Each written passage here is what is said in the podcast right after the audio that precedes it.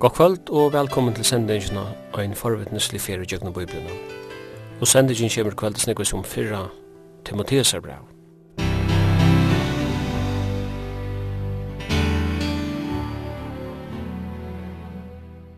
Henda sendingen av en forvittneslig fyrir djøgnu bøyblina er at høyra i lindene hvert mykje kvöld klokka 19 og endursent fyrir frugera 17 part klokka 15.30. Og i studionen er Simon Absalonsen, Jekvan Zakariasen og Tor Arne Samuelsen er teknikar. Vi er i kveld komin til fyrra Timothesa brev. Vi hesum brev er vi komin til ta fyrsta av dem sånevnte pastoralbrøvnum, eller hirabrøvnum, og i Nødja Testament. Hese brøv er aminandi og stimbrande lesnaver. De er skriva til ansleika personar og omtala imiskar suger av kristna løvnum, vans og ter omrøva og i tøtjelige omstøver som møttakere av brøvene var ui. Timotheus var en unger maver og hei finnes jo hotland kunnleika om apostoliska virksemi Paulusar. Han er auiva våren omvender jøknen tænaste Paulusar, og han hei vært vi hånden av misjonsferien og var æsne sender av Paulus at utdenne avvisar oppgaver. Hetta fyrra brevet er auiva skriva stått etter at Paulus er leden leiser etter fyrra fangsulsoppihalt i Ram. Timotheus tidsist at hava haft ein apostoliskan myndeløyga.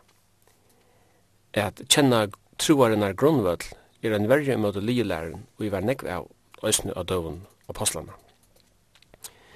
Og i Efesus hadde skøyvar lærer herja, og Paulus hei sendt Timotheus til Efesus til tessa rattlaja vi til myndeløyga og han hei bravi er til helt sendt til Timotheus og Efesus.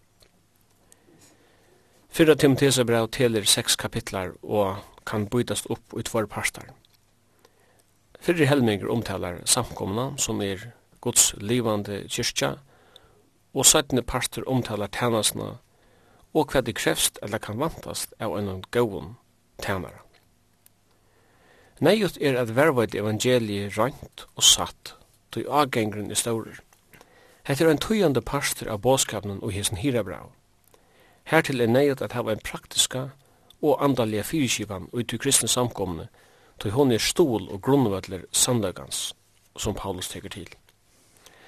Og sørst, men ikkje minst, er neiet at tænar Jesusar aktar etter seg sjálvun og sujan etter verskjusøynun. Ræfylgjan er ikkje til vildali. Liv tæ som er ratt, og lær tæ som er ratt, Det kan i sånn sies av vera båskaperen og i fyrra TMTs brev. Jeg kan, nu er vi kommet inn i det vi kallar pastoralbrøven, eller det personlige brøven. Framundan har vi haft det her mer allmenne brøven, eller samkombrøven. Og jeg kan også være spørst, det er vi nå tar som hyra brøv, vi kjem det så okkon, jeg er ikke personlig brøv, fra en mann til en annan. Alt brøven i undervismentet er, kan man godt sija, skriva vi fra ein høvende til eh, ein av sin person etla eit avvist folk eller ein av sin sankomme. som vi da tåsa til dem som bei Filippebrev, Efesusbrev og Kolossebrev så vet vi til at Paulus skriver til brevene til folk i Kolosse og i sankommen her enn ut herra omstøver og ut herra tog så, så kunne vi deisen sagt vært hei så brøvene ikke bare fyrt hei men til at underfodda vi skriften er, er nemlig det her at ja, brøven er skriva til avvisa personer og avvisa sankummer, men samtidig så er, så er hese brøvene til öll tjøkken alla tøyer, alla sankummer tjøkken alla tøyer, og eisen alla einstaklingar tjøkken alla tøyer som høyra, som høyra Kristus til. Og tøy kunne vi si at eh, Timotheus brøvene er lykka nekv til til öll ånder som det er til Timotheus, selv om det opprunalige er til han. Så tog er hese brøvene, de pastorale eller hira brøvene, de er vikommande sannlige fra åkne det. Det finnes eh, omstøver i brøvene her og i høvenderen omtaler av som kanskje er mer togjer bestemt enn andre ting. Ja, det er ikke nivå med det. Og, og det er jo imenskar personlige velleiingar til eh, som Paulus gjevur Timotheus, og til ønsken ivi om det. Han, han minner han av at standa fast i åren, han minner han av at kveitja at nøygan som hon var given, vi handa da her, el, her eldste. Eh, han byr Timotheus koma til sin i ørenbrevet og teka skinnbøkene og frakkan vi og så videre. Så her er noe personlig um, ting som er vær i middelen, eller som var i middelen Paulus og Timotheus. Det er ønsken vi mot det. Uh, vi kunne ikke teka nægge skinnbøker eller nægge frakka vi til, til Paulus i det. Men, men samtidig så, så lærer vi om medlemmerne nægge av to personlige forholdene som er i middelen tvær personer. Og vi sørger hvordan nært her våre. Og ui tog sørger vi eisne fyrdømme. Eh, jeg vet eisen lærer at det var slukt innelitt samfunn vi ånder. Uh, som Paulus og Timotheus eisen høttu.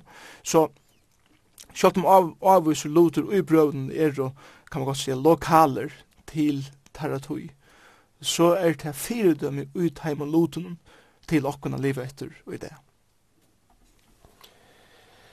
Vi sørger i fyrra temniser at han halt utrolig av tøtning som Paulus legger i det uh, til lokale kristne samkomna og at, og at fyrirskipaner er i samkom. Ja, det er ikke nivig om det. Paulus legger dent og og imenska lutur faktisk ui öllum trimon uh, hira brøvnum som er 4 Timotheus brev, 2 Timotheus brev og Titus brev. Og han legger dent og til dømes uh, uh, tøtningen av halda seg til sunna, eller heilnæma, læru, fyrir det fyrsta, og i, og i samkomne. Det er eikjenner öll tru i brøvene. Det samme kan sies om uh, det sentrala plosset tja Bibelen i sjolvar. At Bibelen, eller skriften sjolv, må være sentral og være mipunktet ui samkommet løyve. Og han legger eisen dent at her i ötlen trimon brøvnen. til dømes ui fyrir Timotheus brev 4.13 og Titus 1.9 legger han dent at lesa Bibelna, eller opplester av, av Bibelna allment i samkommet han legger eisen den, den og sankum struktur, og her hugsi om at ein sankum skal hava eldstar, eh, eller sankum leiarar og hirar og, og sankum tænare, og så videre. Det sørger vi i ødelsene til min brøvnen. Det samme eh, kunne vi si om han leiklu som kvinnan eier sankumne talar Paulus eisne om i hesson brøvnen. Og eisne, så han legger dent og eisne til imenske bølkaner og i samkommunen, jeg vil eia teg okken av teimen, som til dømes, han tåsar om antjer, jeg vil eia teg okken av antjen i samkommunen okkara. Så vi heva samkommunstruktur og eisne en praktisk struktur innanfyr samkommunveitsna er fyrir at, at samkommunloiv her tidsi skal fungera. Så heter alt vi, vi, vi, vi, andaliga hirat hann sig gera og eisne kjensliga hirat hann sig gera og eisne til meira fysisko hira til hans gjerra, a hjelpa av öllum taimun og ökjunum. Ta det kjemra til å teka seg av ønsken og eldre folk som han kjem inn på. Kan det også noksast at uh, at vi lesa det her vi, vi hva skal man si, øren brillen i det at vi vi er så vanlig vi tar sosiala trygtarnet. Ja, yeah. tar sosiala trygtarnet er vær ikke sjående ta i hese brødene og skriva i, ikkje samme hatt. Og særlig eh, tja dem tryggvande var, var hette ikkje finna. Og, og tog var det neiot tja sankumene at, at tega seg av teimen eh, som hørte til sankumene, fyrir at her kunde iveleva. Det er rett som du sier, vi heva eit anna eh, kjervi eller system og i okkara samfunnet og i det. Og her kommer så, så okkara sosiale strukturer inn og og gjever et, et grunnleggjande eh, en grunnleggjande stål fyrir öll hei som har bruk fyrir, fyrir hjelp. Korsene vil jeg sagt det så at jeg halde ikke at, at at sankomman er sleppa seg undan til apur som sankomman hever korsni at hega seg av sunn egnu tog at uh, samfunnet kommer inn rent eh, sosialt og her også om ter, ter, fysiske tørvener tja en anki til dømes. Men uh, sankumman hefur eisen større avbyrd at det kommer til hira tennas, at det kanskje er at han og eisen kjenslo born og tørven og tja anki. Og eisen rent praktisk det kunne hjelpe at tørver er her. Så samtidig som det sosiala hjelpa til, så er sankumman ikkje at jeg sleppa seg undan teimen avbyrdun som skriften har lagt og av sankumna at heva.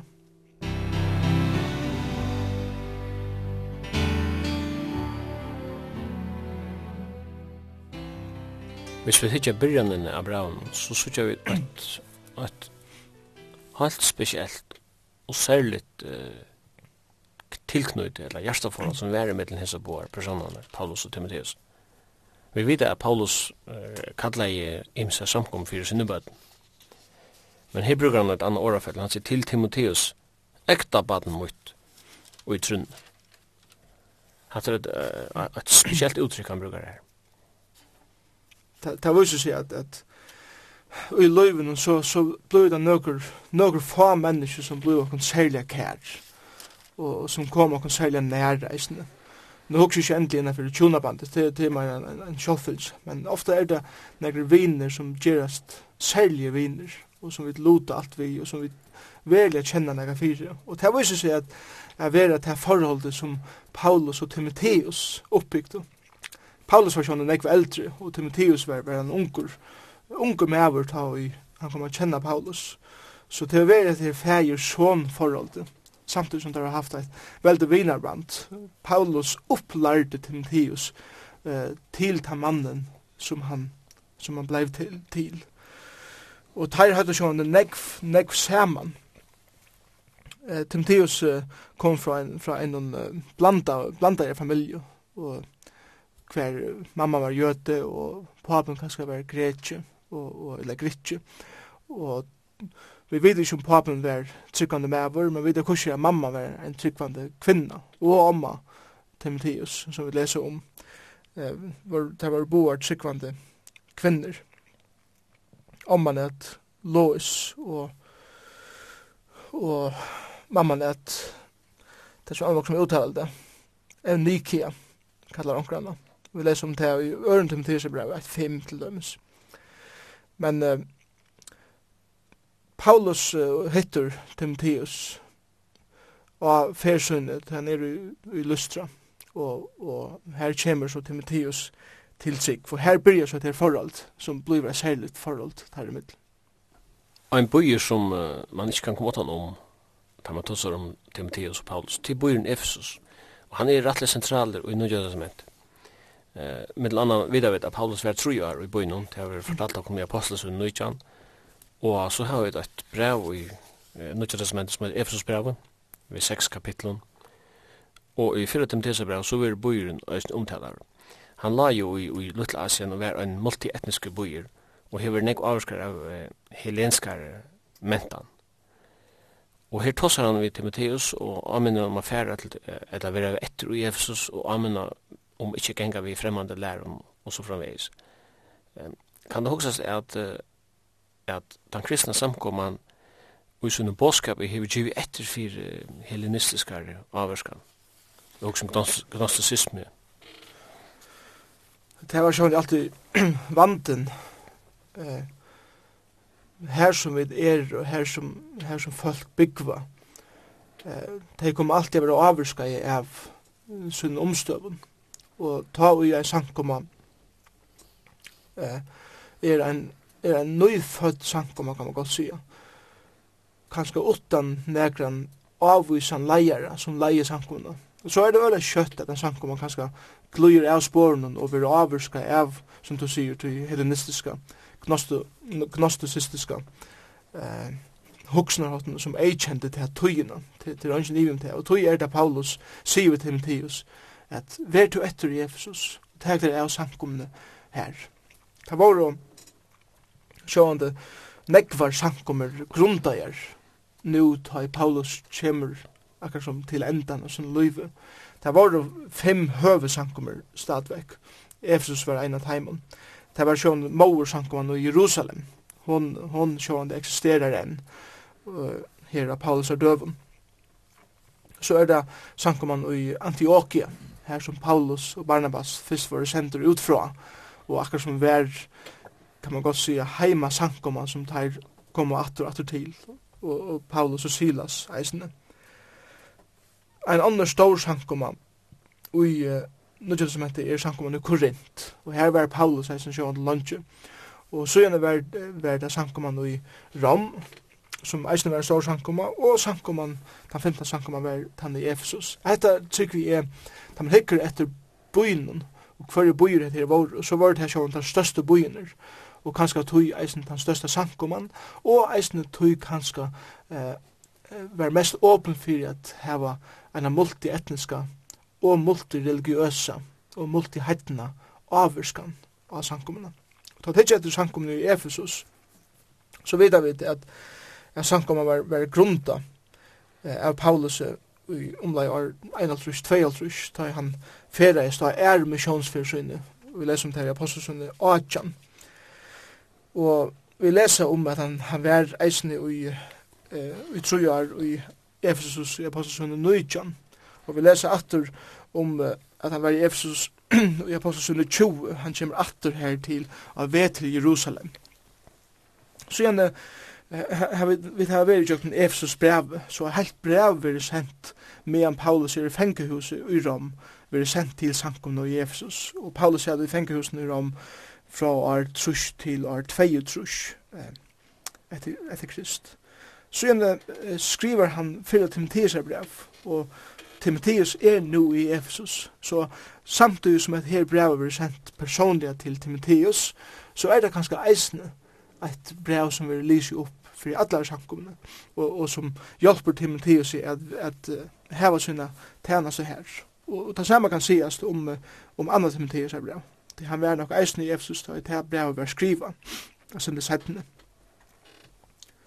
Men uh, uh, vi tar atter om samkomna i Efesus og det er i åpenberingene, kapittel 2, vers 1-6, og ta er kommet til år omlai år 55 etter Krist Så vi søtja, vi søtja lykka her fra da han byrja i år omlai 51 og lykka til hva det hent, hva det hent i i år 95 og, og vi søtja gongtina og ta vi eh, vi kommer til oppenberingen så, så er samkomne i, i Efesus en samkomne som legger stor dent av lærerne men som kanskje er vitjen fra til upprunalega kærleikan som man hei bæg til god og til mennesker hva er hent vid av det ikke akkurat.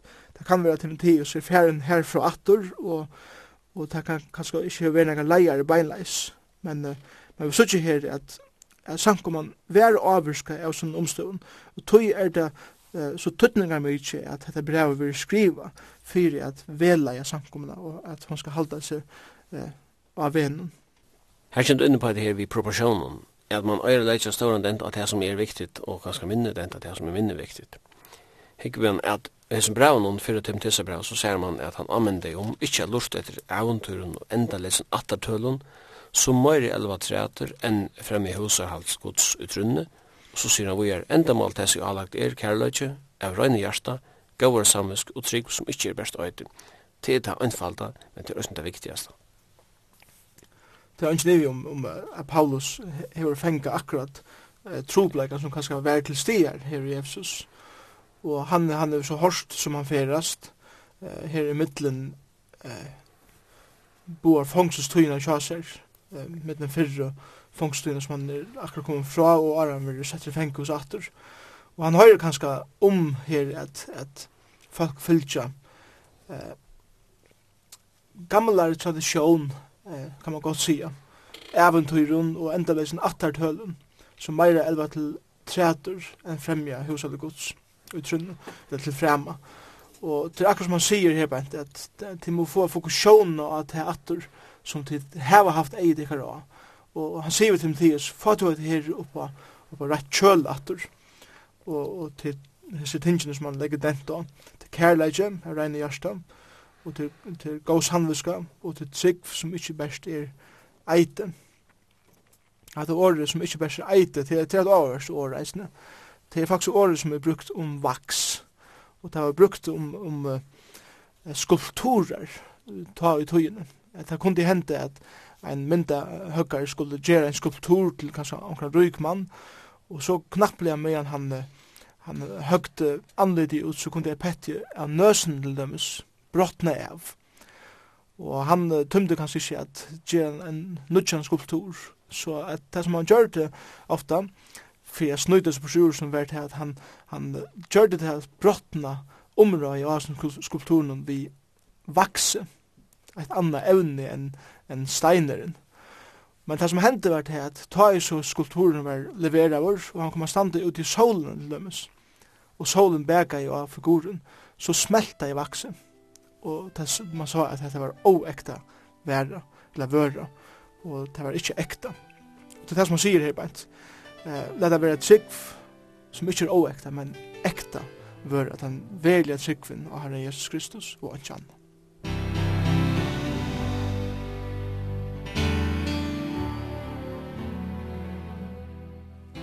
Og et anna ørndi i sin fyrsta kapitlen i fyrra braunen, som ofta hever ørskjumla folk, til til at Paulus enda kallar seg sjallan for den største syndaren som hever funnest. Eh, vi vet at i fyrra korintbrau Her omtalar han seg sjálvan i 15. kapittel som han som stendur attastur av apostlunum. Søtten skriver han Efesus brev, og her omtalar han seg sjálvan som han som hever minst at tuja av öllundammen heila, så han fyrir som nyer og i rang. Nu kjem du til fyrra Timotheus brev, fyrsta kapittel, og her sier han at til truert år og til fullnare verst av å fakna at Kristus Jesus kom i heimen, er frelsa syndare og av taimun er i hins døste. Det ser ut som nu i bottnen, nu har han nått bottnen. Jeg tykker at Paulus har henne, henne sunne avskoan, da han hukte sin egna løyve. Han visste hver han kom fra. Han visste til at han er veri en en som la sankum i et løyven, og han har vært vid til at drepa mennesker. Og han var vid til at drepa Stefanus, den fyrsta blåvutne i, i de kristne sankumene. Og han visste at han var vært vid til at tøyna det er tryggvande jeg det fengehus og få det eh, rutta jeg av venen. Så gjerne vil han frelstur og, han, og han ser til avmedelig og treidelig så avopporne nøyene eh, som han fikk fra gode. Og til, til, til viser honom at jeg er han som har minst fortjent, eller minst oppebåret, at komme å kjenne nøye gods. Jeg var kanskje hugsar han han allar største syndaren, hvis man, hvis man teker synd proportionalt handa, på handamåten, at jeg var vi faktisk til å drepa mennesker, jeg var vi til å drepa til tryggvant, og nå er jeg sjølver en tryggvant som njóte nøye gods. Jeg hugsar et vers som, som, som Paulus eisen djever okken i rombraunen, og det er uh, i uh, kapitel 12, vers 3, her sier Paulus såleis, Tu vi nøyen i mer i kiven, sier jeg vi eile kvantikkara, at han må ikkje hugsa hagre enn han eier at hugsa, men hugsa vi vysdom alt etter som god har bytt einunde kvar i målsutt av trygg. Og det som Paulus sier her beint, er til at vi eier å være eimjuk nok til at kunna si om okken sjolv at jeg har ikke oppebor.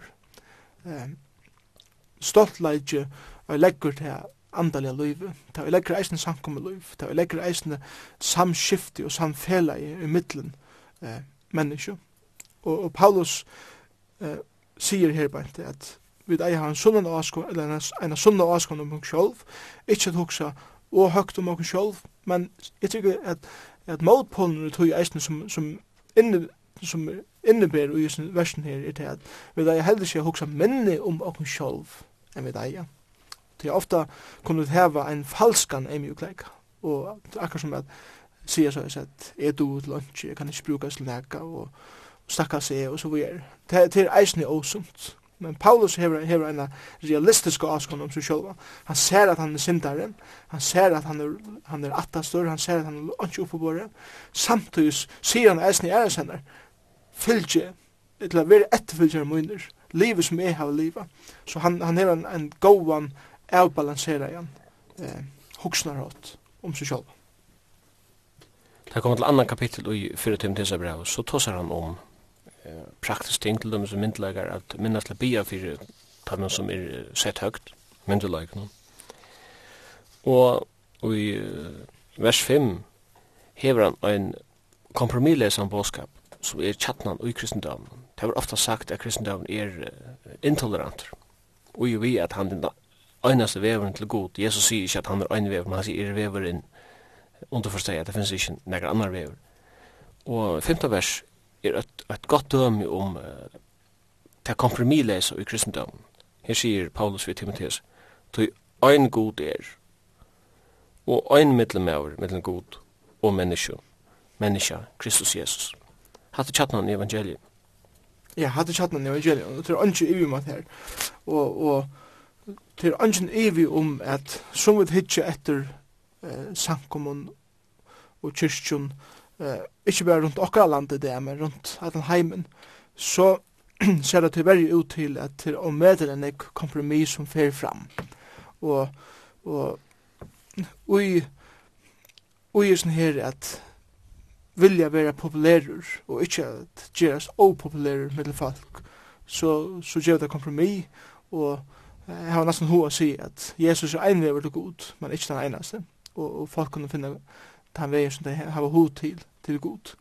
Men jeg tykker at det er medelig området at standa opp her vi Paulus og fullkomlig og kompromillest tog jeg hette sannleggen at det er bare ein god og det er bare ein middelmær og middelgod og menneske og det er Jesus Kristus så må vi være så opopulære som vi eh, vilja, og vera kalla i det, og vera kalla i hver vilja. Det er ikkje brøyta støvuna, lyga mykje, det er bare ein vever til god, og det er bare ein vever av vera bjargar fra helvete, en av for tapelse fra gode, og det er i jøknun Jesu Kristi fullgjørda versk av krossen. Det er ungen annar vever. Det er ungen annar vever til fyrirgeving fra synd, og det er ungen annar vever inn til asjon gods, og kunne standa framfor gode ein dag Det eneste som god hikker etter tandegin er hever du tro av son min, Jesus Kristus, som er god, som, som er eneste vever til frelse. Og det er kristendommeren, og det er det som vi moa og skulle standa opp fyrir og ønskjane.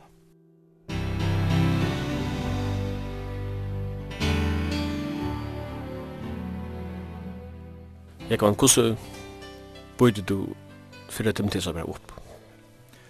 Ja, da jeg leser jøknen fyrir Timotheusabrev, så så så jeg vet første kapittel og det er tvei første versene som er har helsan her, her helser han Timotheus så en ekta vattne og i trunne men uh, så, så gjerne langt fra tre verset så fer han bant inn i, i uh, det som han innskjør at se ved Timotheus som uh, Timotheus var faktisk en, en kan man godt si, en fulltøyer pastor i samkommunen i Efesus, og han er bruk for velaing.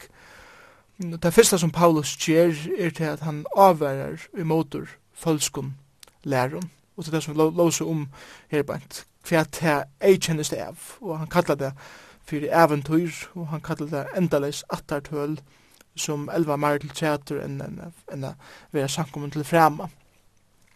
enn enn enn enn enn enn eh, som han vidger i eh, første kapittel vers 3 til vers 20. Og eh, han viser hver, hver trobleisen er, han viser hver løsnen er, og han viser eisne hvordan vi kommer til løsnena i sin første kapittel. Så er det koma til annan kapittel vers 1 og allan vegin til 3 kapittel vers 16. Så har vi her uh, velleiing vi vujtjande samkomme løyve kalli jeg sier i skriftene, vedlegging vi vikjende samkommet løyve. Og i kapittel 2, vers 1-15, her har vi meira til, vi til og tilbjørnene og, og til allmenne lærerne i samkommende er gjerne. Hver så i 3 kapittel, vers 1-16, eller faktisk alle kapitlen, til har vi meira vi samkommet lærslo er gjerne, kvalifikasjoner for, for eldstær og samkommet tænere, og, og samkomstruktur og så videre. Da vi kommer til fjorda kapittel, fra vers 1 til 16, eller alle kapitlen, så har vi altså en avværing, og det er avværingen mot frafallet og i sankommen, eller innanfor sankommen veggjenar. Og han brukar det fyrst, første fem versene jeg peik av, eh, kvæt til frafallet verur. Og han sier, men anden sier bare fram at av kommande tøyen skulle nøkker fatla fra trønne og halda seg til vittleiande andar og lærdomar ytla anta vi hikle lielærere som er brennemersker i sin egnu samvisko som forbjóa giftast etla, etla og djeva bo om a halda seg fra føy og god hefur skapt fyrir þeir som tryggva og hefa larsanlegan kjenna skulle, skulle njóðan av tøk og så vi er og han, han viser her at det ser ut til at sankoman fyrir a fell atur og ena legalisme, kan man godt sige, og ena, ui ena tselbundna trygg, som fyrir atur til at, at gjerra og gjerra i stedet fyrir en trygg som eh, er grunda av at vera neka i fyrir gode. Så han avverar imot tui. Men så er det attur en velaing. Så, så han byrjar vi en avværing fyrsta kapitlet, velaing i ørne tredje kapitlet, atter en avværing i fjorda kapitlet, og så i fymta kapitlet, vers 1, til satta kapitel vers 2 har et atre velaing og til er vi vujkjent i imiskum balkun innanfyr sankum veginar eller ui samkommene og han, han, han tåsar faktisk meira generelt eh, jeg byrja vi, han sier gamle manne måst du ikke sitte herlighet men amen han som feir eh, ungar menn som brøver gamlar kvinner som møver ungar systrar i öllum reinleika, så, så meira generelt her beint, det er eldre, det er yngre, og i samkommende. Så igjen det i vers 3 til 16, tås han, han om antjur, hvordan, hvordan samkommende er å teka seg av antjun. Så igjen det i, fra vers 16 til 25 tås han om hvordan samkommende er å teka seg av ta de eldstu, eller leierne i samkommende, og særlig de som prædika og læra året. Og så igjen i kapittel 6, vers 1 og 2, tåsar han, tåsar han om træler i sankumne, til at i sankumne i Efsus vorne vi træler, og han, han avlegger dem at, at vera reinar og, og, og halda seg til herrarsøynar, og såleis eh, eh, halda seg til lærerna og til navngods, så at lærerne og navngods ikke vil spotta. Og så da vi koma til tria vers, og lykka til 21 vers. Det er ikke som han enda, her, her endar han brevet, og han minner atter og falska lærere, han minner atter og at ikkje fatla atter i gamla eh, tradisjon, ikkje gjerast legalistiskur. Han minner og at liva et rent og sunt andalt liv, og så gjerne i vers 20 og 21. Her endar han bare vi sier såleis, Å, Timotheus, vær veit her som ter i lyd i hendur, og vend her bort fra hinnom vannheila ja tomat, tåse og motstå kunnskaperens som ta vi, eller er åråttum vi kalla, til er ikke og som nøkker jotta seg under, og er vilst bortur fra trunne, og så enda bare vi å sier, nøye, eller nøyen vil vi der.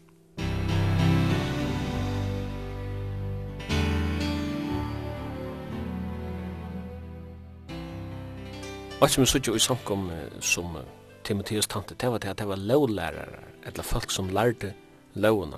Og Paulus sier her, det var at det kvart ikke skilja det som det sier, eller det som det taler om i slukum kjallsalit. Så sier han vi er, vi vet at lovene gav om onker nøyder henne som loven øyer å være nøyt. Og han skilja hette at loven er til, ikkje fyrir hin rattvisa, men fyrir lovleis, kjallrein, godles syndarar, vannhøyla og andalig, fyrir sluk som nøyder ivigeng mot feir og maur, fyrir mandrabarar, siløysingar, tei som syndi møtu natturen og så vujar. Syndi møtu naturen, hva er det her for nek? Hette året som er, som er brukt her, men syndi møtu naturen, er det året som eisen er brukt om samkjent, og, og han, han sier og i sin versen her, at, at, at, vera samkjentur er det samme som han synda og i måte til, til naturlige som god er første tog hever skapt. Det vil vi gjøre noen sier, vi finner det ikke bare i et noe rambrann og et finner det som fyrer til det som er veit. Ja, og ymsastan og skriften. Ja, dette er en sannleik som er allan veien gjennom skriftene, bæg gjennom gammelsmentet, og som er pura fullkomna greit, eisen i nødgjødsment. Det er ønsken vi om at henda læran er, er en bibelsk læra, at, at samkjent er nega som gongur i motor uh, til naturliga som god er fyrsten tog hever skapt. Og han nevner det samme ved lovene, og lovene er jo given ved Moses, men det stendig også Kristus er enda lovene. Er så reglene som Moses ikke galt han i det? Hatt er vantur som, som nekv tryggvande fettlo i, og man er ofta hoa sier at, at Low Moses er til nekka som er av olda, til nekka som eh, binder okkun, stein fyrir seg okkun i fralse, og tog skulle vi bæra, slepp okkun av vi, vi lovna. Og til seg det samme som at, som vi leisen slepp okkun av vi, den største parsten av gamla testament. Og her har vi et lango, en, en øyla stora vanta, til at Paulus sier, og i øren Timotheus brev, 3.16, at öll skriften er innblåst av gode, og hon er nyttelig til lærdom, til samføring og rattlegging og oppfassende rattvise. Og til ønsken evig om det at han, til han sier öll skriften, så tås han eisne om Mose lov og alt det som det eh, omboar. Så spurningren, kvært eh, kvært er så ein sunn og balansera avskoan om lov og nøye, kan man godt sige.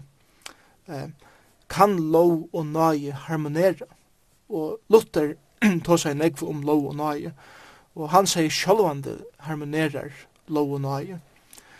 Eh, ta jeg hitje etter Moselov til dømes, som, uh, som først og fremst er grunnt av at han tutsi bovunum, som uh, god gav Moses i fyrst, eller ære Mosebok 20. Så er det områdende at skilja til at uh, Moselo er eisne grunda av nøye. Moselo er grunda av nøye. Somalai som evangeliet er nøye, så er akkurat liv eh, som er grunda av nøye, akkurat liv skal eisne livast av en avvisan hatt. Vi kommer, kommer til det om man lytter løt. La nå lykke hitje etter, etter eh, loven i gamla sementet aller først og i er Mosebok 19. Vi vet rent søvelige og i er Mosebok at, at nå hever Moses vært for i faro og Israels folk er fruja ur Egyptaland. God hever lett ur Egyptalandet og nå er det kommet iver om eh, Reiheve, det er kommet inn i øyemørsene og nå sander det vi Sinai. Og her sier så god vi Moses i vers 4 og i Ermosbog Nujtjan, her sier årene, tid heva sæ, ta og jeg heva gjørst vi Egyptar, og kussi jeg bær tikkun og arnavandjan og lette tikkun til moin. Hatt er nøye, hatt er nøye. God sier, jeg heva sett tikkun i fralse, og jeg heva først tikkun til moin, jeg heva tidsi tikkun inn et mer. Og i kapitel 20 kommer vi så så til til tøtje bøyene. Og resten av kapitel 19 for å omtale om hvordan, eller for å omtale hvordan heilavur og øyelig god er. Og vi sørger døm om til at, at fjallet stemte er under i røyke, og de kunne ikke komme nær til, så heilavur er god. Og loven er grunda av heilalega, rattvise og eisne nage gods. Så sier han i kapitel 20, grunda av nagene som jeg har vist ikon, grunda av at jeg har sett ikon frals ur trælhusen i Egyptaland, så innskje jeg at jeg skulle liva og henda mat. Og til er tog at det er den beste maten til jeg kunne liva på.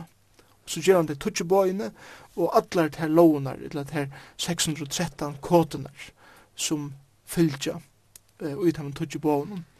Det er altså det samme som at eh, Torah, hebraisk året for lov, eh, merskjur, at peika einon vegin og han skal genga. Og det som god sier vi Israels folk er, jeg har bjergat ikkun, nu grunda at han nøyina, og ta bjerging, hette vevin ut til genga. Det er altså det samme som at, at miskyllingen vi lovene, som Israels folk eisne miskyllte settene, være til at vi må gjøre det her om vi skulle toknast gode.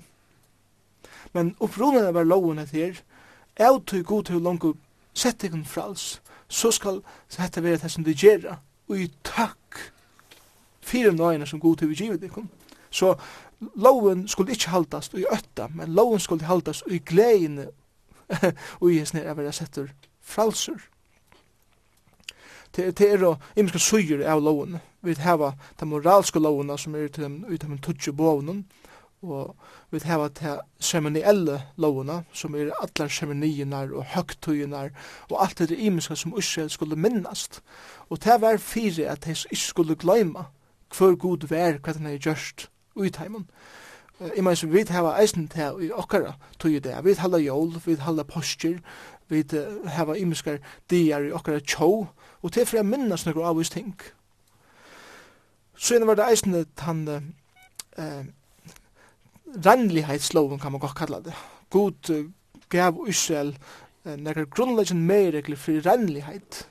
Hvordan de skulle halda seg rein, hvordan de skulle uh, vaska luter som de brukte, og så videre. Fyrir at de skulle ikke gjøre sjuk. Og jeg mener så er altså en av den største grunden for pesten som var i mihølt, som utrydda ja, en trying av ötlen i Europa, var simpelthen bare tog at folk ikke hyldes til rannlighet Og hvis vi vet at last er brukt her som god sier i loven, ta det kommer til grunnleggen regnlighet, så hadde vi sammen fra nekvun, nekvun sjukun, og vi hadde vært bjerga fra nekvun millionen av kronen som var brukt der, og i eh, hjelpa folk, og i grunnleggen regnlighet er det. Hette er, hette er goddomlige visdommer, men så omedelig praktisk og samtidig. Så har vi det, det juridiske loven, som, som var for å hjelpe samfunnet rent juridisk, ta jo et lovarbrot vær framt, så skulle det eisene vidgjerast, og skulle være dømt etter, eh, rattvist etter, etter som som var gjørst, og domer skulle være her etter. Alt dette her innebær loven. Vanden var han at de vende loven i høtte, og så det at vi må gjøre det her for at hokna skote, og tog blei grunden for at halda lovene og ikkje fralse. Og det var det som jeg kjente Jesus her tog. Jesus kommer, og han, han, han bryter fra hessen her, og det så vi langt i strøyene mellom fariseerne og Jesus. Han bryter nekva tog som tar hadde bunte nyer, som opprunelig ikkje var bunte nyer, til dømes sabbaten. Jesus gjør det godt sabbaten, og loven sett i det en forring for jeg gjør godt sabbat. Sabbat hører bare til for jeg, for, for, folk skulle kvile og, og kunne bråta til jeg som det vanlige gjør. Jesus kommer og, og vi leser om brannen at han var inte lower än der. Det är ikke det samme som han bare skær alt det av og gjør det enda ødlund og nå er han ikke når jeg kan si.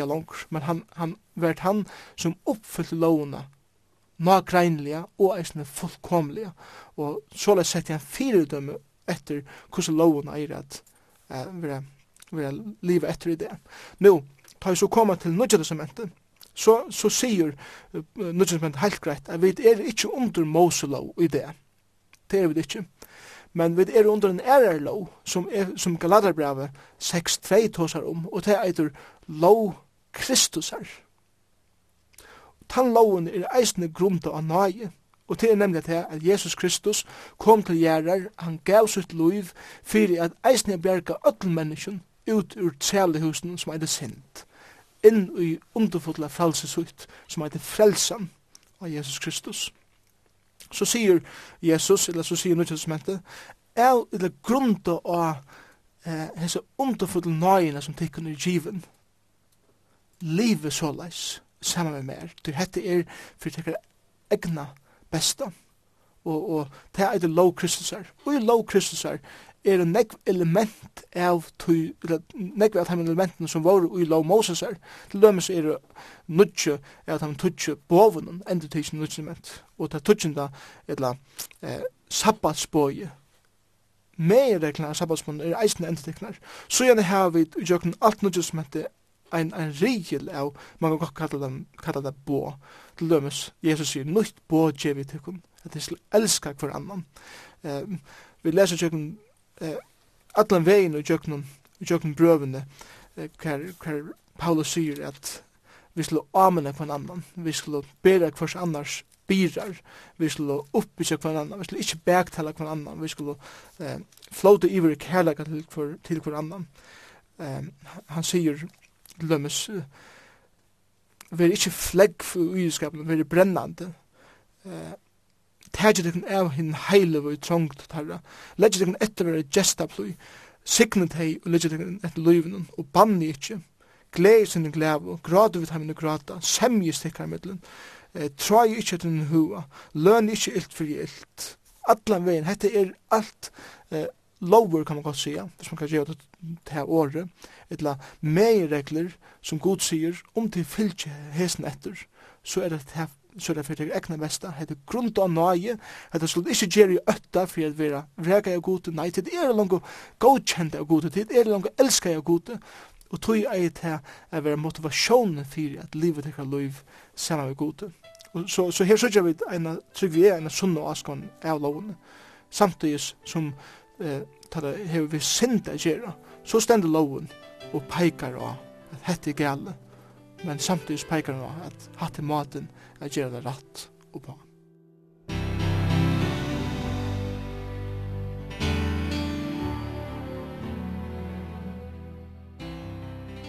Til hun nevnte at loven vil bytt opp med et annet seremonielle regler til dømes vi offringen og hvordan godstjeneste får fram under det kommende paktene hygieniskar og kanskje sosiale regler òsne.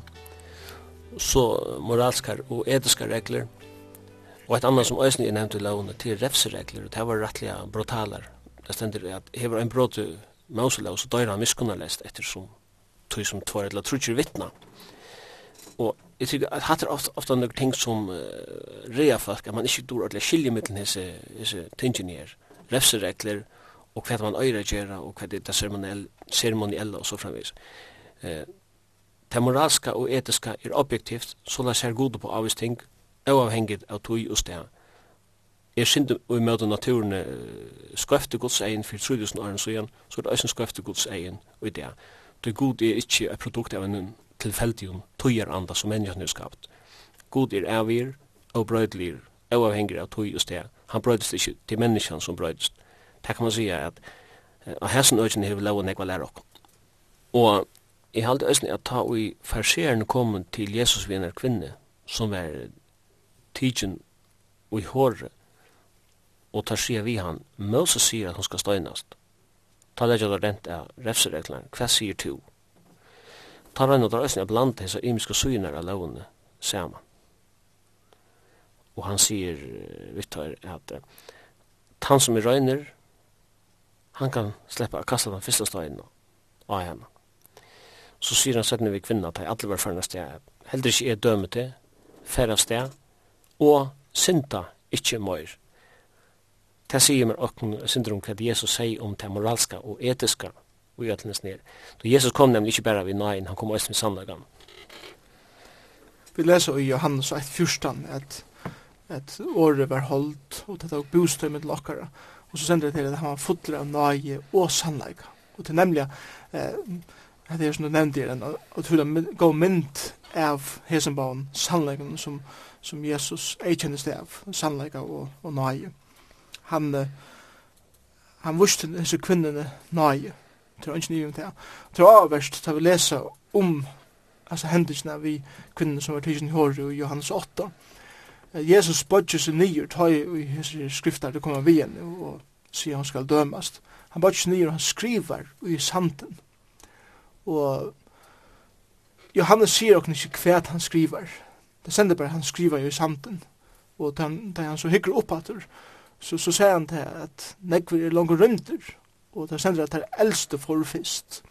Anker heldur kanskje at skriva i han, kanskje skriva i han, byrja at skriva til tutsi bøyene nere i sanden, og hva her finner ein jo og fyrir at at hver er fyrir for kasta fyrsta steinen her? Til jeg vet er alle seker og jeg bråta ta moralsko og etiske lovene som god hever som god hever sett. Jesus kom vi nøyen inn i mynden her beint og han sier vi henne heldig ikke dømende men så sier han eisen vi henne fær og synd ikke langt det er halte til til lovene som Gud hever lagt. Og tog så ikke til henne mynd eller et døme om eh, å stande opp for nøyene, men ikke å køre sannleggen i vår men jeg standa opp for sannleggen eisen. Og heller ikke bare standa opp for sannleggen og være nøyeleser, men jeg får nøyene inn ut i eisen. Og til flatta saman skapar en, en utrolian jaunva som først og fremst jeg kjente Jesus. Ofta han er Jesus sitera over, hette her dømi ikkje for de skulle være dømt, og han som regner er kastet fyrsta steinen men eh, hetta vi at han kom i sannløgan, det er helt utanfyr. Og det vi viser seg er rettelig typisk fyrt han humanistiska togjerandan, er at han har bruk for hessar av Jesus, men ikkje tog som hever god sannlega gjer. Jeg hører ofta folk sier at Jesus han, han fordømte ångan, og, og det er lovar olja pent, og det er lovar olja godt, men, men det er det er ikke sannleik, det er ikke alle sannleik.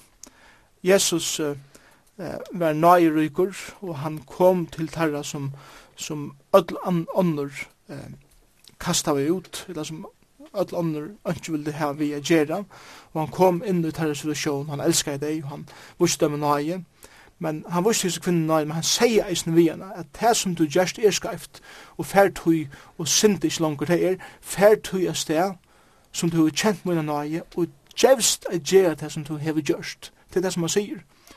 Og, og hatt det glemmer det her inn. Jesus sier i det, jeg elsker det kun, men til må djevast er gjøre det som er gale, til må djevast at liva og i, og i sint, og tror ikke nivet om det. Samt og Samtidig, tar vi lesa alla skriftene, så lærer skriften som er heldarmynd okkon, at ein dag fer Jesus at gjøre fullkommen enda av öllum som er sint. Jesus fer ein dag at standa som domar og døme öll de som har vreka ham, som ikkje har livet sitt liv eh, vi gode, men har, har avvust god i sin liv. Oppenberingen lærer greit at ein dag skal Jesus døme alt det, og han domeren vil et evet fortæpelse bort fra Asjon Guds. Så vi må søtja Kristus avspegla fullkomna kærleika, men vi må ikkje glemme hina søgjene av Kristus, at han er, han er heilavur, han er rattviser, og han skal ein dag standa som domare heimsins, ønsken undan tidsen.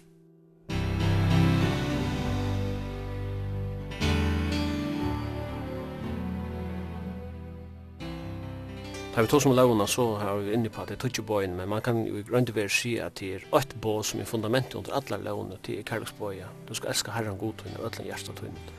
Og tenkt at kærleksbojen er ösne eh, amenysen om at öttast god, altså gods ötti. Og til et øyla sentralt år et hotak og i fyra timetesa brev. Han tåsar om, eh, samband med gods ötta, så tåsar han om eh, at venja seg til godsetta. Eh, han tåsar om at godsetten er nyttelig til alt. Han tåsar om lærerna som samsverar vi godsetta. Og han tåsar om at saman vi nøgt seg med godsetten større vinningar. Og han tåsar eisen om mysterium eller landamal godsettans. Så det er ikke smavis avhersle som Paulus her i Hirebraun legger av etter hodheitsj. Guds vitt. Til, til å avhvers at samme samanbindret her reisen vi, vi lovene. Det er som, som vi uh, hukta etter er Mosebok nøytjan, så er det nemlig at her som, som kommer inn her, at, at mennesker må få en, en viring for hver god er omtæsel og fylkjas venom. Og det er akkurat det som Paulus sier her, eisen vi Timotheus, og til alt sikvandet som er under lov Kristus er, er nemlig at her at om du skal skilja nøyina, og om du skal liva etter ta med medreglen som er grundeier av nøyina, så måst du eisen kjenna god sjálvan. Og tess meir, og tess bedre du kommer a kjenna god, tess meir er gods ötta først du at er få. Og som, som, som han nevner ui her eh, brevunnen, så er det for det første nekka som du måst venja det til ven til Guds røtta, det er det samme som at at du måst du måst arbeida, du måst venja, du måst trena til sjåan fyrir at koma kjenne Gud bedre. Det er det samme som du måst bruka tøy i skriften for å komme å kjenne Gud. Du måst bruka tøy i bønene for å komme å være sammen vi Gud. Og ta du venen det til til, så kommer du at, at kjenne Gud bedre og at øtta sammen. Og at øttast er kanskje og i okkar malbrutje kanskje et negativt år. Og vi definerer øtta at vi er bensjen fyrir omkron. At hvis jeg er øttest en person, så er det tog at jeg vant at han kanskje fyrir at uh, gjøre meg mein, han fyrir at gjøre meg. Men det er ikke året som, som Paulus brukar her bænt. Et, et godt år, hvis det er for øtta, kunne være viring at hava viring fyrir. Um, jeg har viring fyrir mine foreldre, til å si det samme som at jeg innskjer i mine løyve at gjøre uh, ting som, som gleder teg og som, og som ser det tarra navn og er, og er godt ljós, kan man godt si. Og, og til det som det har vi gods at jeg at jeg innskjer at leve mot løyve at han hatt, at jeg gleder god ut det som jeg gjør, og at jeg gleder god gode til som sier, at jeg er så stor viring for gode, at jeg ikke, at jeg ikke, ikke gjør noe som kommer at, at dreja navn hans her og jøkken, et rune du. Og til det som at her året innebærer. Og det gjør jeg vi er kommer kjenne ham eh, bedre. Og det er nyttelig, som man sier, gods øtte er, er nyttelig, det er læra eller oppfostran og i gods øtte som eisen skal til. Og det her, han sier eisen at det er godsrøtter er vinningur. Det er samme som at det er større viring for jeg for god i munnen løyve. Det er større vinning for jeg eisen heva her i løyven, saman vi gode. Det er samme som at som en liv og liv mitt rett saman vi gode, så, kom, så kommer det her vinning ut i at jeg kommer til å tåra, jeg kommer til å hitje folk i egnet. Bare rent praktisk tog at jeg har kjørst nega som, som, uh, som gjør til at jeg ikke kan hitje folk i egene. Det gjør eisen til at jeg kan leggja meg nyer av, av kottan om kvöld og leggja egene i attur utan at uh, at uh, attas fyre hva for hende morgen og jeg kan fyla fullkomliga og i. Godsøtten er en, er en lønderdommer som Paulus eisen tåsar om og det er nemlig her at jeg kan ikke komme a kjenne god, og jeg kan ikke komme hava viring for god, om han ikke først hei åpenbæra nega fire mer, og sier hvor han er, hva han er gjørst. Og, og til seg saman som til smeira av seg sjolv om god åpenbæra fire mer, til smeira viring kommer jeg ha fire honom. Og et uh, godt prinsipp, eller en god meiregla i ødelsen her, er nemlig her, til smeira gods øtta i havet, til smeira, til minne menneske øtta, kom jeg til hava. Men tess meira menneske øtt i hava, tess minne gods øtt kom jeg til hava. La meg bruka det her i åren og åren. Tess meira viring jeg kom jeg hava fyrir gode, tess minne ötta, og her er hos ikke viring, tess minne ötta kom jeg hava fyrir hva folk kunne gjera mer, samtidig som vi kunne hava meira viring fyrir folk, til at, som, som Jesus sier, du skal elska god tunn aller fyrst, og elska nasta tunn som du sjolvan. Det er det samme som tess meira viring jeg hava fyrir gode, tess meira viring hava fyrir menneskjen, men tess minne öttis teg. Men tess meira, eller tess minne, tess meira er öttis menneskjen, det er tess meira er benji fyrir hva de kunne gjera mer, tess minne viring fyrir fyrir gode og, og tøy er det områdende at, at sjá at er man fyrst og fremst tokna skote, er man fyrst og fremst leve mitt liv sama við gode, så kjem det å avvirke mitt liv sammen vi ører næsne, og jeg kommer ha vira andre mennesker, tog at det er vira god. Han nevner i samband vi godsøttan, altså vendingene her, så, så tar han også med likamlige vendingene. Uh, vi vet at det er at gjøre filmlag til at gjøre det man er form rent likamlige. På samma måte tåsar han om å vennja seg til godsøyta. Kan det också stå i sin hevnäga vid, vad ska man säga, mental hygiene att göra? Ja, det, det kan man kanskje godt sige. Vi leser til dem i 8. døren, i kapittel 4. Her sier Paulus, tog hin likamlega vänningen er nyttelig til lyde, men Guds øtte nyttelig til alt og hever lyftet bæg fyrir lyve og nu er og fyrir hitt og i kjemur. Ein, ein vante i som versen er, er, er nemlig å si at her at, at Paulus sier vi skulle ikke gjøre vi lika, men vi skulle bare droppe at venja og, og bare hugsa om det andalige og så gløyma det likamlige. Men, men jeg tykker ikke at, at det er en rett omsetning av versen og ikke en rett tolkan av hvordan versen skal skiljast. Jeg tykker at det er bedre å lese uh, versen på hendamaten. Tøy hin likamlige vendingen er nyttelig til luttla tøy, eller til stutta tøy. Men Guds øtten er nyttig til alt du hever lyfte, bæg for løyve og nu er, her får du tøyen inn, og for hit vi kjemur. Det er, vi ørner, hvis jeg skal si det verset min egne åren, hin likamlige menneskjen er nyttelig, men bare til en avvisa tøy. Guds øtten er nyttelig til allar tøyer. Legg til større dent av Guds øtten, men ikkje gløyma at likamlige vendingene. Tal de er, er en sunn avskåan, tog at ta vi lesa brøv Paulusar og uh, alle bibelen her tidsi, så leggur uh, skriften den da at vi har finnst et likam fra gode som vi skulle halda sunt, som vi skulle uh, venja og halda i form og så videre.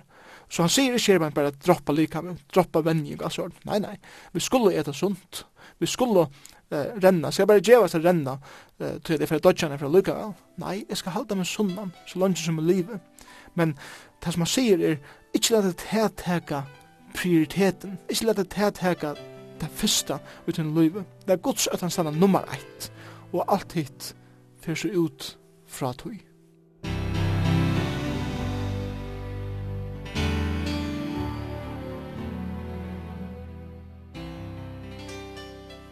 Det finns en ørgrunn av anvendingen i 24 tidsbrev, og tøyen løy og nevene er færre, og vi holdt vi allar av høysen anvending. Men en som stender nok så stersk her i kapittel 6, til er det han avvarer med mammon og materialism. Det, det viser seg at, at til alle tøyer så hever materialisme, eller mammon, eller man skal kalle det for pening, hever haft en utrolig stora avskan av, av folk. Og, og realiteten er han at mammon og ta andre i livet eh, er jo er jo saman.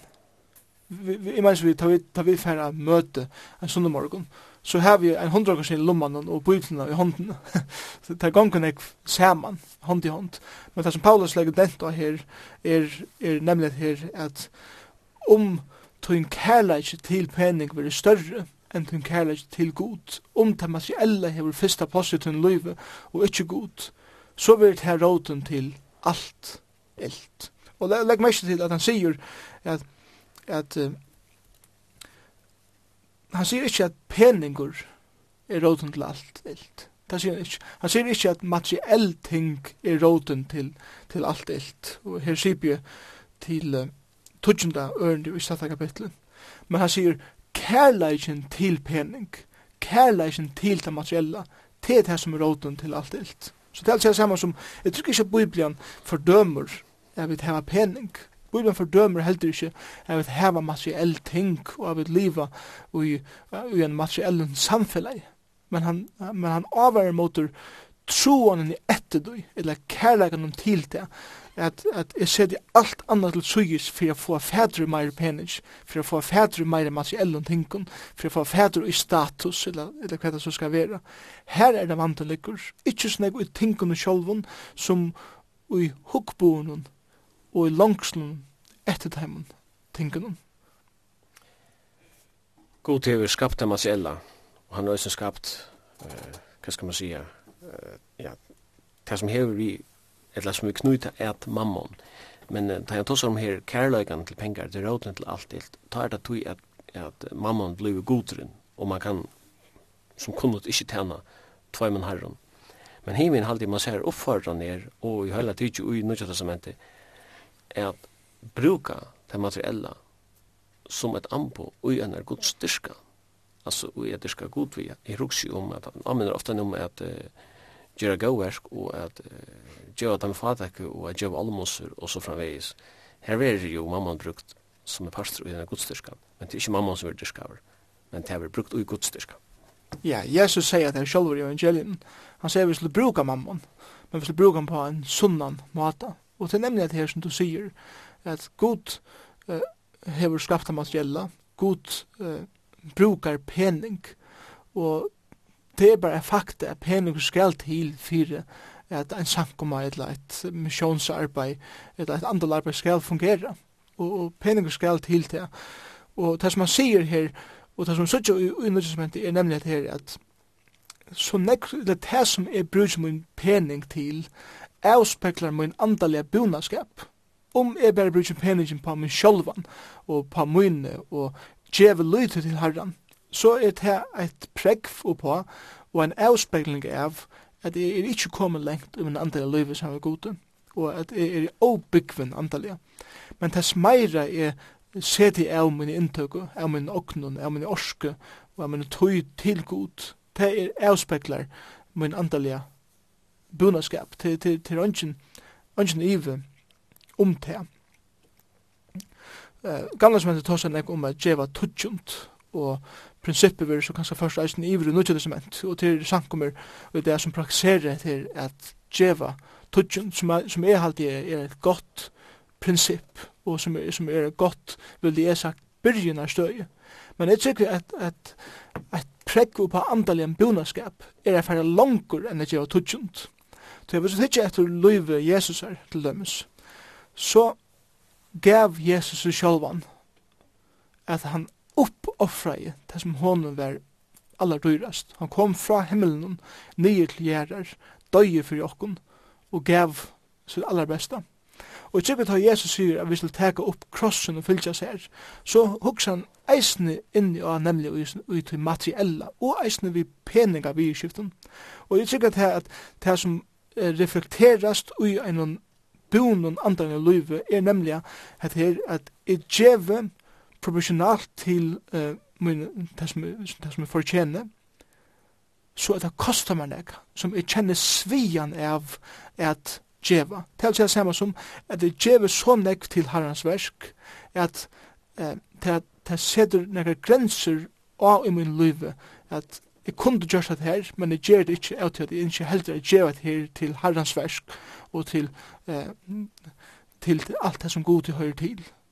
Det sig vi er, er bibelska prinsipper for jeg djeva. Jeg djeva så nekv at jeg kjenner svian av det sjálfur. Det er det som det betyr at teka opp krossen og fylgja Kristus etter til han gav sitt allar besta og det er standarden fyrir her som jeg er djeva. Jeg held ikke at tudgen skal være standarden. Det er godt byrjunarstøy, men jeg held vi fyrir eier fyrir langur enn tudgen og sier at jeg djeva så nekv at det kostar meg nekv at det merkje det ui mun materiella løyve.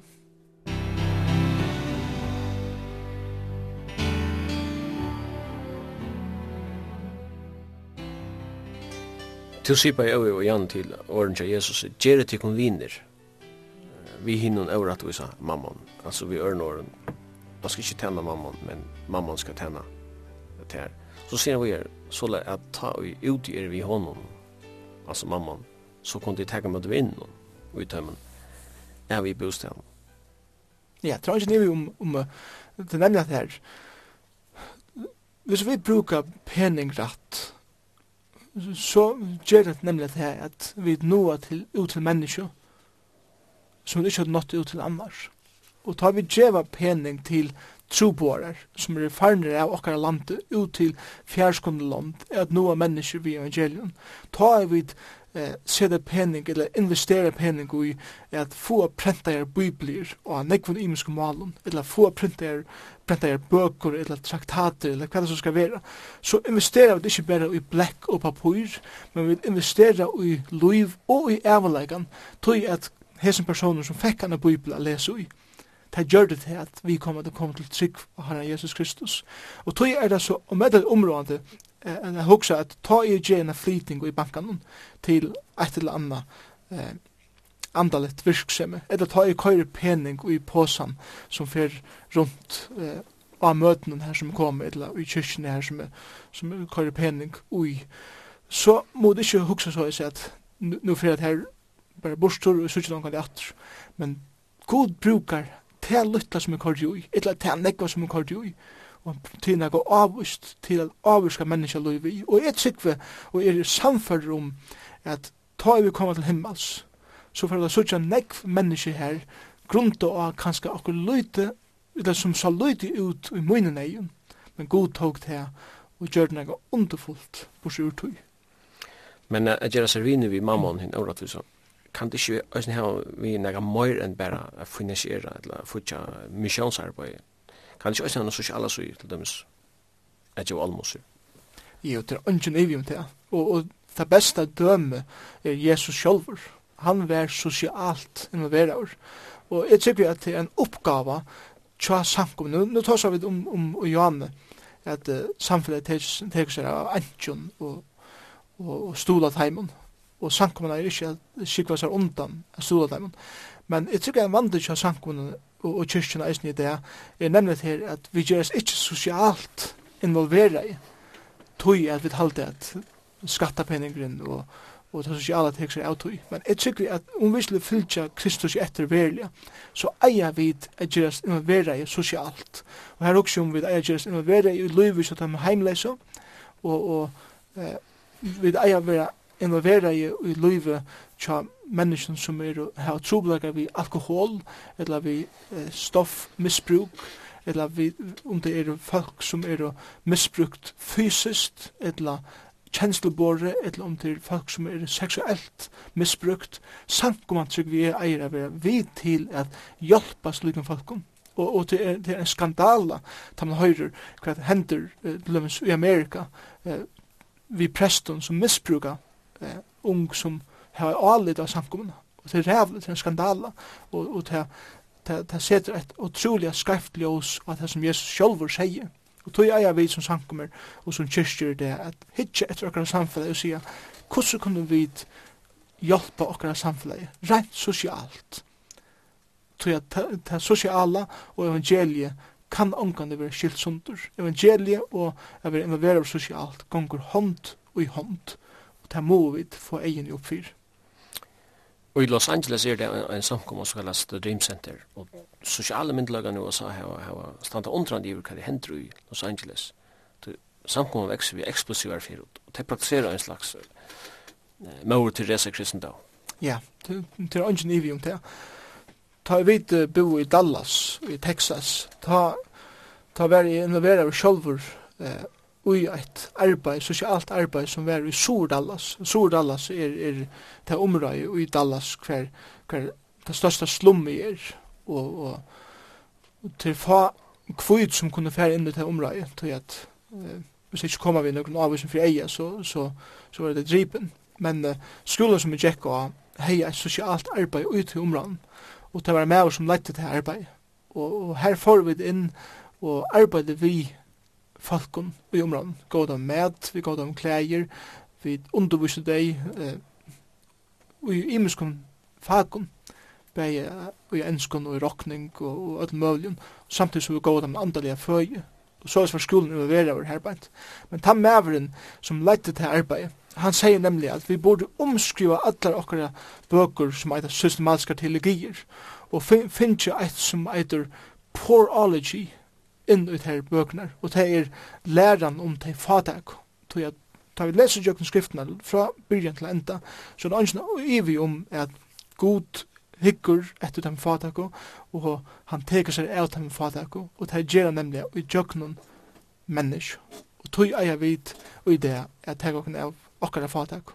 Og jeg tykker at vi kunne se at det samme i fyrjun, og i det, selv om vi suttir sjående ikke stattar månen, eh, eh, på samme måte som vi suttet her i Amerika og ære stender. Det er ikke så store moner i okkara samfunnet at de er ryke og de fader. Men det er en av disse moner, og det er folk i okkara samfunnet som loja nei. Ikke bare fysiske, men eisende kjenslebarna og andalega nei. Og her eier vi som samkommer og kyrkjer at kjerast aktiv.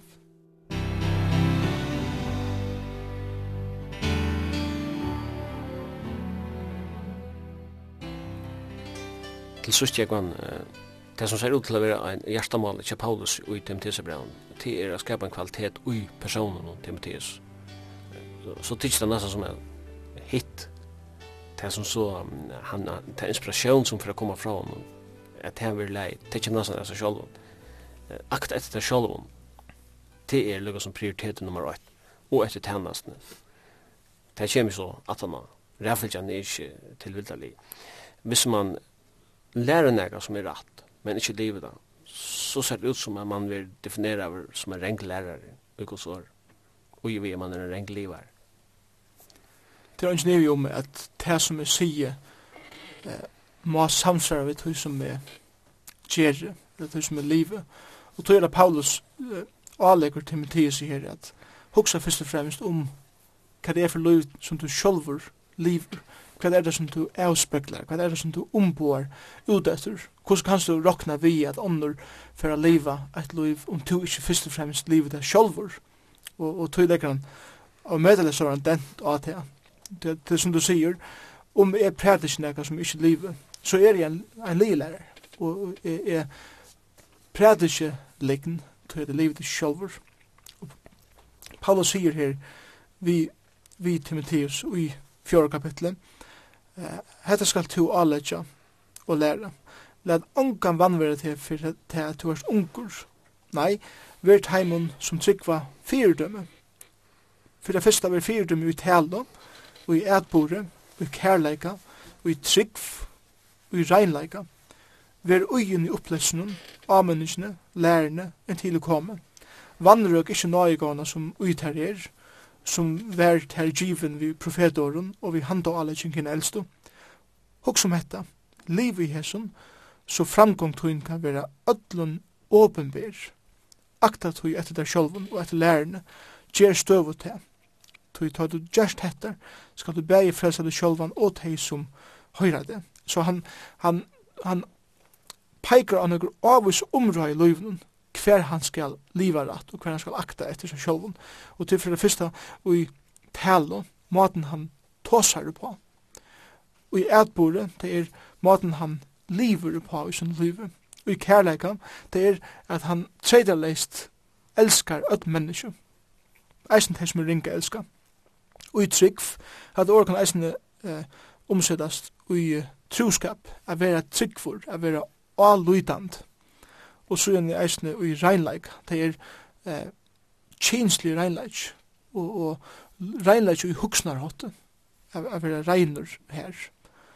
Derfor er det fire dem, for i öll ånder, om til å livre det her først og fremst sjálfur.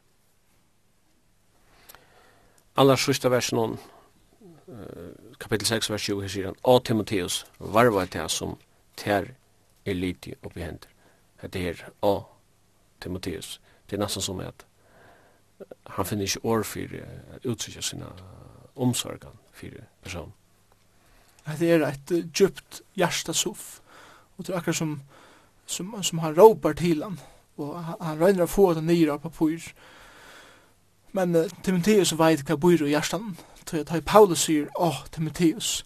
Så vet Timotheus när han färdigt brevet för först for att det er något som som ligger så djupt nere i Paulus, til at minst det at her kjennast, her er hjersta viner, her er fylst nu i kjøkken negvar, og, og ta i han leser etter her, så tykker vi at det er rakt beint inn i hjersta av Timotheus, og han, han, han merker hvordan Paulus teker om han, og klemmer han kan man kanskje sige, nesten, og han sier, vær veit her som, som det her leder i hendur, og til nemlig det her, båskapen som er nu djevet her, er djevet øren, evangeliet, som er grunnt av fullkomna versk Kristus er av krossen. Hans er blå rann fyrir menneskjans skuld.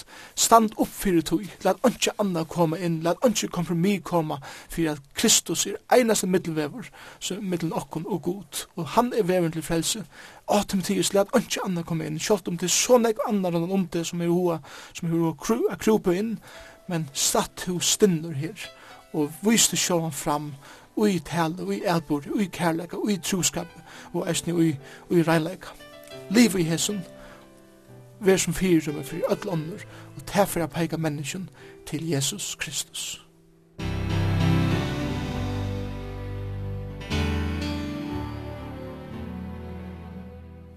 Og vi er kommet til endan av sendingene av en farvindeslig fyrir og jøkna biblina fyrir kvöld.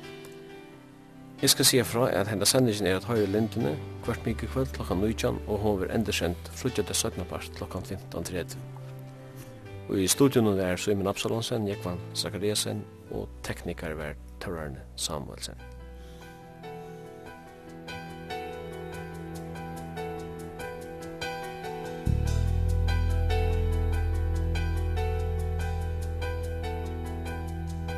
When he rose up asleep on the Ritz. There is thunder in his footsteps and lightning in his fist. The Lord wasn't joking when he kicked him out of Eden. It wasn't for no reason that he shed his blood His return is very close and so you better be believing That our God is an awesome God is an awesome God. He reigns From heaven above with wisdom power and love. Our God is an awesome God.